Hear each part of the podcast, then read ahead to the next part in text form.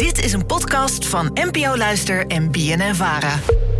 Hoi makers van Alledaagse Vragen. Ik zat laatst voetbal te kijken en toen vroeg ik me af van... hoe word je nou sportcommentator? Want volgens mij zijn deze mensen er gewoon. Kun je dit alsjeblieft voor me uitzoeken? Alledaagse Vragen. NPO Luister. Demshi, dankjewel voor je vraag. Eh, David, was dit ook een droom van jou? Jazeker. Op mijn eh, kamertje in mijn eh, kleine archief staat nog een tekening van, ik denk groep 7 of zo, waarbij je moest tekenen wat je later wilde worden. Ja, dat was voetbalcommentator. Wat schattig. Ja, leuk hè? Maar dan is dus nog steeds de vraag: hoe word je dan uiteindelijk sportcommentator? Dat vroeg ik aan Gio Lippens. Sinds 1993 is hij bij de NOS vooral actief als wielercommentator. En deze vraag is voor hem extra bijzonder, want in februari gaat hij met pensioen en heeft dus een opvolger nodig. Ja, heel jammer. Dus Gio, hoe word je nou commentator? Oh, door het vooral heel veel te doen, eh, door er heel veel interesse in te hebben in sport. ehm, en er met, ja, toch wel met enthousiasme naar te kijken. En ja, ervaring doe je eigenlijk alleen maar op in het veld. Dus echt op het moment dat je eh, ergens gaat werken, al is het bij een lokale omroep, het maakt helemaal niet uit. Er is geen opleiding voor in ieder geval. Daarnaast vertelde Gio mij ook dat binnen de NOS veel mensen ook door kunnen stromen. Dus dan begin je bijvoorbeeld als beeldredacteur en kun je opklimmen tot commentator. Ja, dat lijkt me een lange weg. Een lange weg, maar hoe word je dan ook echt een goede commentator? Dat vroeg ik aan Albert Manting. Hij is sportcommentator bij Ziggo, waar hij rugby, voetbal, tennis en ook atletiek becommentarieert. Het klinkt misschien een beetje zuur, maar eh, dat, dat je toch wel ABN eh, spreekt, eh, Algemeen Schaap Nederlands. En een accent vind ik eh, persoonlijk geen enkel probleem. Eh, want dat, dat kan ook juist wel heel erg mooi zijn. Zeker als je bijvoorbeeld naar Engeland kijkt, daar heb je ja, Ierse commentatoren, die klinken totaal anders dan Engelse commentatoren. Schotten klinken weer anders, dus, dus dat, maakt, dat maakt eigenlijk weinig uit. Ja, en je moet natuurlijk een, eh, een, ja, een, grote kennis hebben van de sport die je becommentarieert. En, en de, de, de grote, ja, vind ik, ik hou er ook niet altijd aan hoor, maar de, het belangrijkste goed is eigenlijk niet te veel praten. Eh, wel veel zeggen, maar niet veel praten, is, eh, is mijn tip. Ja, Albert zegt niet te veel praten. Een van de commentatormomenten die mij nog heel erg bijstaat, dat is een eh, dieptepunt als het gaat om sport kijken. Dat was de halve finale van Ajax in de Champions League, mei 2019 tegen Tottenham Hotspur. We speelden het in de blessuretijd van de blessuretijd. En de commentator die was heel lang, echt wel 15 seconden was hij stil. En dat vond ik heel knap. En dat moet je ook maar durven. Maar dat was wel precies wat er op dat moment nodig was. Ja, de woorden zijn natuurlijk ontzettend belangrijk. Dat kan een, een wedstrijd maken of breken bijna. Maar niet alleen het gebruik van woorden, maar ook zeker het gebruik van je stem is enorm belangrijk. En dit had Geo Lippens daarover te zeggen. Eh, de valkuil met commentaar geven ligt hem dat je bijvoorbeeld vanaf het begin af aan eigenlijk veel te enthousiast bent. Eh, bijvoorbeeld, ik noem maar wat, een bergetappe in de Tour de France.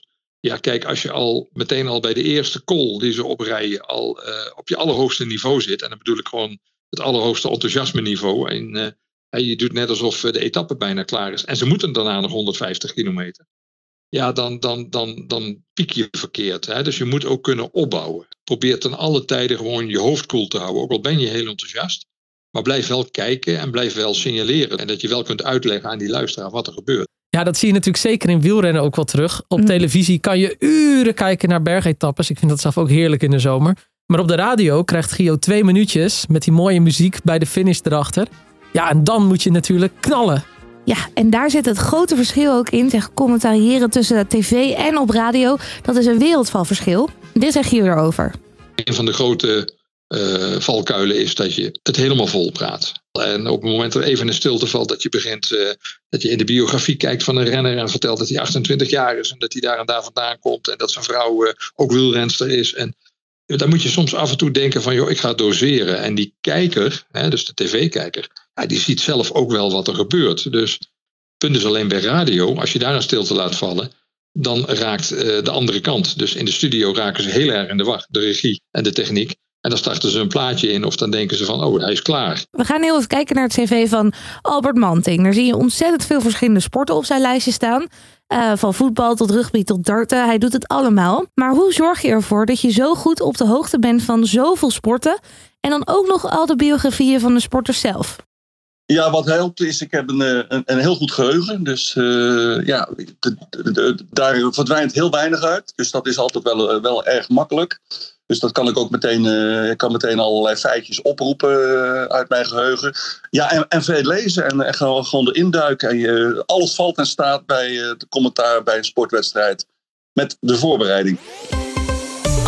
Alledaagse vragen. Als sportcommentator zit je soms wel uren achter elkaar te turen en te kijken naar een wedstrijd. Maar je moet altijd scherp blijven, dat hebben we al gehoord. Maar wat gebeurt er nou als je heel nodig moet plassen? Dat is een, is een hele lastige vraag. Want uh, naarmate uh, mannen ouder worden, moeten ze wat vaker naar de wc.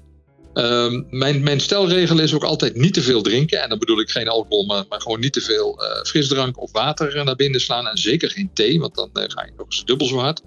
En wat een beetje de stelregel is met, met radio, zeker met Radio Tour de France, dat is als de ster, dus de reclame gaat lopen voor het hele uur, dan heb je ongeveer een minuutje of vijf om even snel uh, uit je hok te hollen. Hè. In de jaren dat ik nog uh, op de finish zat en dan zo'n zo plaspaal op te zoeken. En dan wel zorgen dat je weer snel terug bent op het moment dat de uitzending weer begint. Ja, dan moet je weer. Dus, Bebsi, hoe word je sportcommentator? Soms heb je geluk dat er een vacature verschijnt, maar je hebt altijd eerst je vlieguren nodig. Dus ga bijvoorbeeld bij een lokale omroep aan de slag en oefen zoveel mogelijk. Let dan op dat je veel kennis hebt, je goed voorbereidt en je verhaal tijdens de wedstrijden of etappes langzaam opbouwt. En dat je ook met weinig woorden veel weet te zeggen. Een goed geheugen en een sterke blaas komen ook goed van pas. De vacature om Gio Lippens op te volgen staat helaas niet meer online. Maar je kan wel solliciteren naar een baan als redacteur bij NOS Sport. En wie weet, gooi jij op een gegeven moment uit tot een echte sportcommentator. Ook een vraag? Stuur hem naar ons op via Insta, Alledaagse Vragen. Of mail naar alledaagsevragen.bnnvader.nl. En dan gaan we een antwoord zoeken. Alledaagse Vragen. NPO Luister. BNN Vara.